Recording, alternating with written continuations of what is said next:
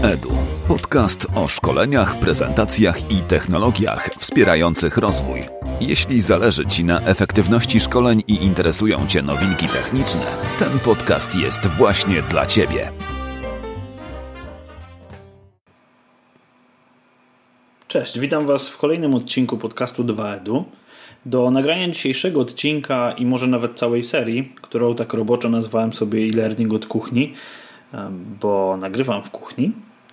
I także dlatego, że chcę opowiadać o tym, jak e-learning wygląda z mojej perspektywy.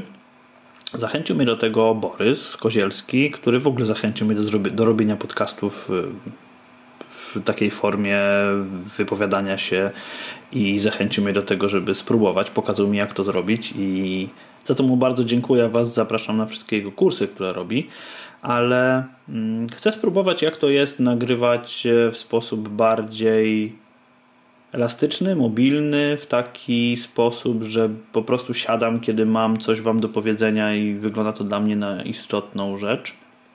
No to e, postanowiłem spróbować. Zaopatrzyłem się w mobilny mikrofon, zaopatrzyłem się w aplikację, ustawiłem ją tak, jak mi właśnie Borys podczas ostatniego spotkania w Krakowie polecił.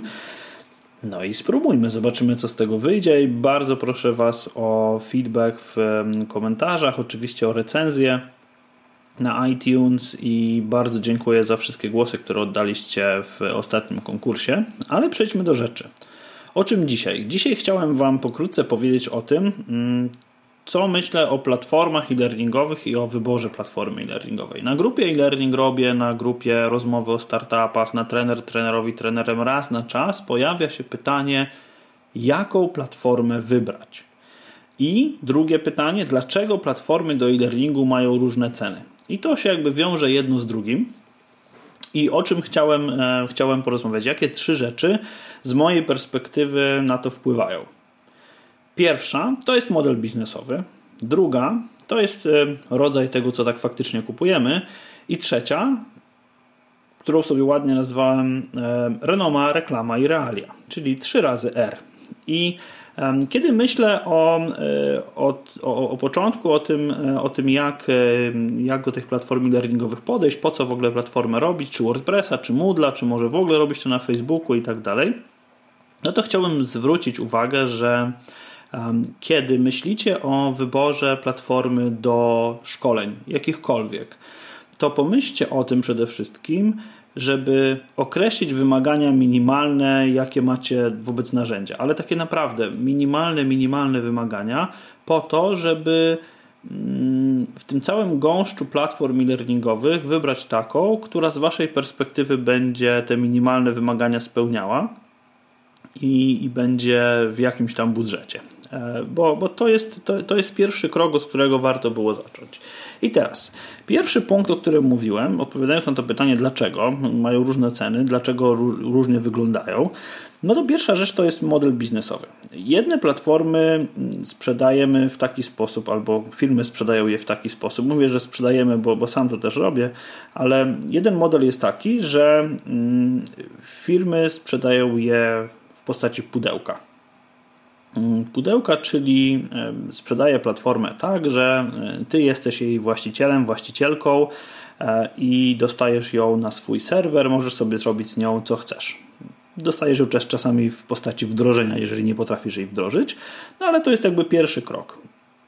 Jedna firma sprzedaje, inne wynajmują. Jeżeli, jeżeli wynajmują, to wynajmują przeważnie za jakiś abonament. Za abonament miesięczny, za abonament roczny, do tego abonamentu czasami dołączony jest limit danych, czyli na przykład możesz przechowywać nie wiem, 200 gigabajtów, a za każdy następny gigabajt musisz zapłacić. Albo musisz mieć e, poniżej 500 użytkowników, a za każdego następnego płacisz więcej. I w przypadku użytkowników bardzo popularne jest e, kasowanie dolara za użytkownika.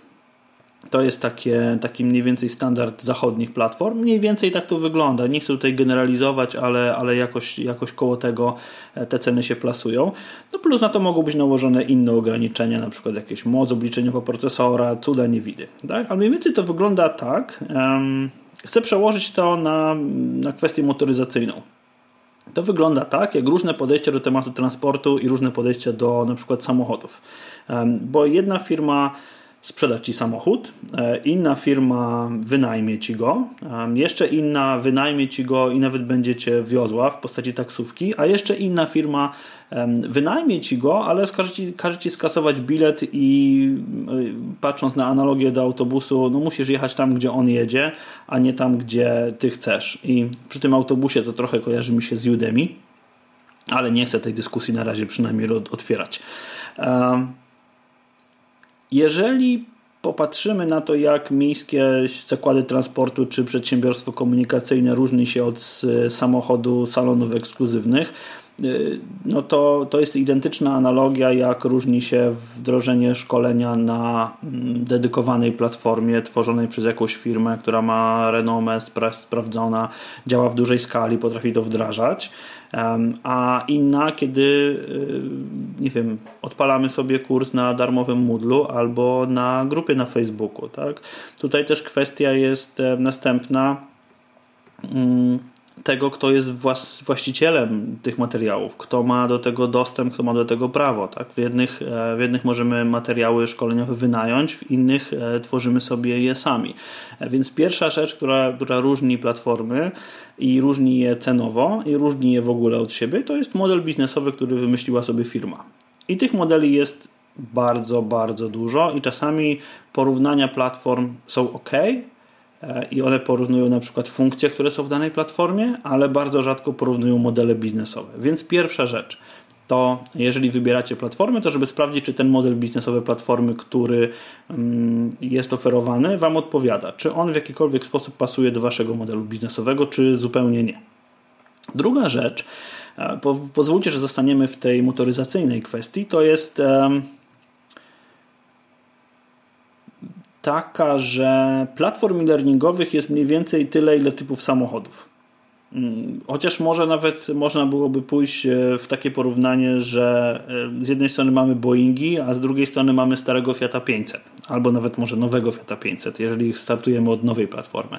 No bo teraz zobaczcie, zupełnie, zupełnie inaczej wygląda platforma e-learningowa i różne wyzwania i różne cele ma, kiedy ona jest wdrażana do ogromnej korporacji, takiej na przykład, w której jest 200 tysięcy ludzi i ma zarządzać szkoleniami dla różnych działów, różnych departamentów, które mają różne cele i i różne wymagania wobec platformy, a zupełnie inna platforma będzie potrzebna dla kogoś, kto robi kurs online z tego, jak sadzić kwiatki te cele się rozmijają kompletnie. Pomimo tego, że na jednej i na drugiej platformie można zrealizować bardzo podobne rzeczy, no to okazuje się, że y, ta skala jest niepotrzebna. No bo mm, to mniej więcej byłoby tak, jak pojechać Boeingiem na zakupy do, warzywnie, do warzywniaka na rogu. No po prostu by się to nie opłacało, byłoby to czasami wręcz niemożliwe i na przykład tutaj w wielkich, wielkich platformach czasami y, w ogóle pomija się kwestie związane z płatnościami. One są czasami realizowane przez zupełnie inne systemy firmowe, nawet jeżeli takie płatności mają się odbywać, to bardziej są to integracje z jakimiś systemami do płatności wobec, wewnątrz firmy niż realizacje płatności za pomocą jakiegoś PayU. No tak się w wielu wypadkach dla wewnętrznych e, platform, dla korporacji nie dzieje. Następna rzecz to jest, to jest taka, że no jest problem ze skalowaniem. Tak? O ile to skalowanie z góry w dół nie zadziała, bo to już wiemy, no Boeingiem do warzywniaka nie pojedziemy, no to podobnież Fiacikiem nie przelecimy przez ocean. Tak? I z platformami jest podobnie. Mała platforma w pewnym momencie przestanie się skalować i nie będziemy w stanie obsługiwać małą platformą postawioną na WordPressie e, setek tysięcy odbiorców na nie wiem, 10 tysiącach szkoleń. No, to po prostu będzie dla nas bardzo niewygodne i w przypadku takiej sytuacji, której oczywiście każdemu twórcy szkoleń e, życzę, żeby miał taki problem, no to w tym momencie będziemy się musieli na coś przesiąść i w wielu wypadkach nie będziemy nawet mieli ochoty zajmować się tym um, zajmować się zarządzaniem tą platformą, będziemy chcieli zatrudnić ludzi, którzy to będą, będą robili. Więc druga rzecz to jest właśnie ta skala. Czyli jak już mamy model biznesowy i mamy, mamy skalę, to moim zdaniem trzecim aspektem głównym, który będzie um, różnił e, platformy, pomijając kwestię funkcjonalności, no bo to, to jest oczywiste, to będzie kwestia renomy, reklamy i realiów, czyli te, te 3 R. No bo trzeci aspekt jest taki, że nazwa platforma e-learningowa jest bardzo pojemna. Ona zawiera w sobie bardzo, bardzo dużo parametrów, i to niestety jest więcej opcji niż przy zakupie samochodu. No bo jeżeli wchodzimy na stronę z samochodami, no to wybieramy sobie samochody ciężarowe, dostawcze, osobowe. Załóżmy, że chcemy osobowy, no to w tym momencie możemy sobie wybrać mały, średni, duży, sportowy, kombi, nie kombi, a potem bawić się w poszczególne wyposażenia. Ale lista tego wyposażenia jest, słuchajcie, ogarnialna. Ona czasami ma kilka albo kilkanaście stron, ale jest dość ogarnialna i tam jest dość ograniczona liczba wyborów. W przypadku platformy e-learningowej jest gorzej. Niestety gorzej, bo tych różnych funkcji, integracji, parametrów y, do skonfigurowania jest y, niesamowicie dużo i w przypadku y, platform korporacyjnych takie wdrożenia trwają bardzo, bardzo długo. Zaczynają się przeważnie z zbieraniem wymagań do tego, co będzie potrzebne, potem długo, długo trwają, a kończą się i tak konfiguracją, wdrożeniem i cudowaniem z tym, co tak faktycznie ta platforma ma robić, może robić i do czego ma być wykorzystywana właśnie w tych różnych kontekstach. I teraz, y, jeżeli chodzi o wdrożenia takie małe dla pojedynczych osób, no to przeważnie to kończy się tym, że kupujemy dostęp do jakiegoś systemu, który już działa, albo kupujemy e, platformę e-learningową jako dodatek do WordPressa, bo WordPressa już mamy i mamy ludzi, którzy się tym mogą zająć, albo odpalamy sobie kurs na Moodle, tak jak ja to zrobiłem. Pewnie dlatego, że trochę jestem leniwy, a z drugiej strony dlatego, że znam Moodla, no to stwierdziłem, że to będzie najlepsze, najlepsze rozwiązanie. I teraz, i nawet jeżeli ktoś pokusi się o to, żeby uprościć listę parametrów platformy e-learningowej. Nawet ja podjąłem się kiedyś takiej próby i myślę, że za jakiś czas na blogu ją opublikuję.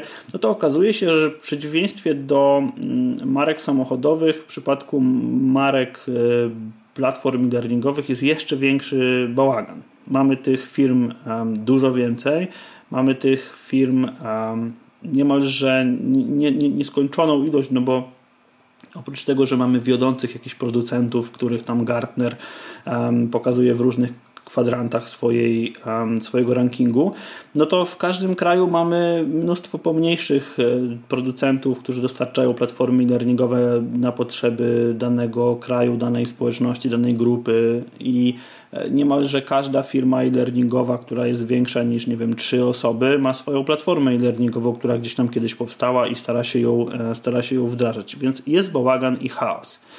I teraz, moi drodzy, jeżeli, tutaj jest apel do Was, jeżeli z Waszej perspektywy to jest interesujące, no to ja bardzo chętnie e, uruchomię demo takich najbardziej typowych kilku platform e-learningowych, tak żebyście mogli poklikać sobie, a oprócz tego możemy w ramach podcastu albo live'ów na grupie e-learning robię, albo innych aktywności, możemy te platformy przeglądać. Jeżeli to jest dla Was naprawdę interesujący, ciekawy temat, możemy zrobić ich porównanie. Myślę, że wiele osób, które ma platformy, udostępni je z chęcią do tego, żebyśmy je, żebyśmy je testowali. Więc e, podsumowując, kiedy będziecie patrzeć na to, że macie wybrać jakąś platformę, to proszę pamiętajcie o tym, żebyście zaczęli nie od tego, jaka platforma jest dostępna na rynku i kto co może, tylko żebyście określili, co tak naprawdę jest dla Was minimalnie krytyczne. E, czyli jaka jest, co tak naprawdę jest krytyczne, jaka jest minimalna ilość, ilość wymagań, jaka, jak, jakie funkcje musicie w platformie mieć jakie są opcjonalne, a które w zasadzie może byście chcieli, ale nie do końca jesteście, jesteście przekonani albo przekonane.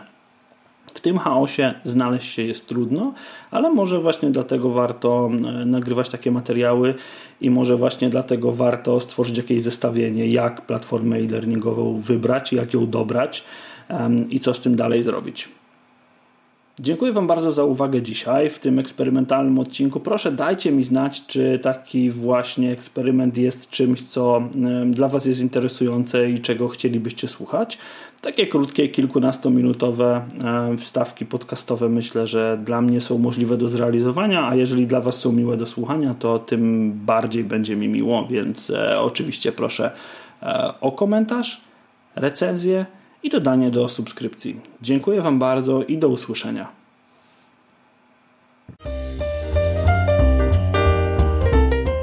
Edu. Podcast o szkoleniach, prezentacjach i technologiach wspierających rozwój.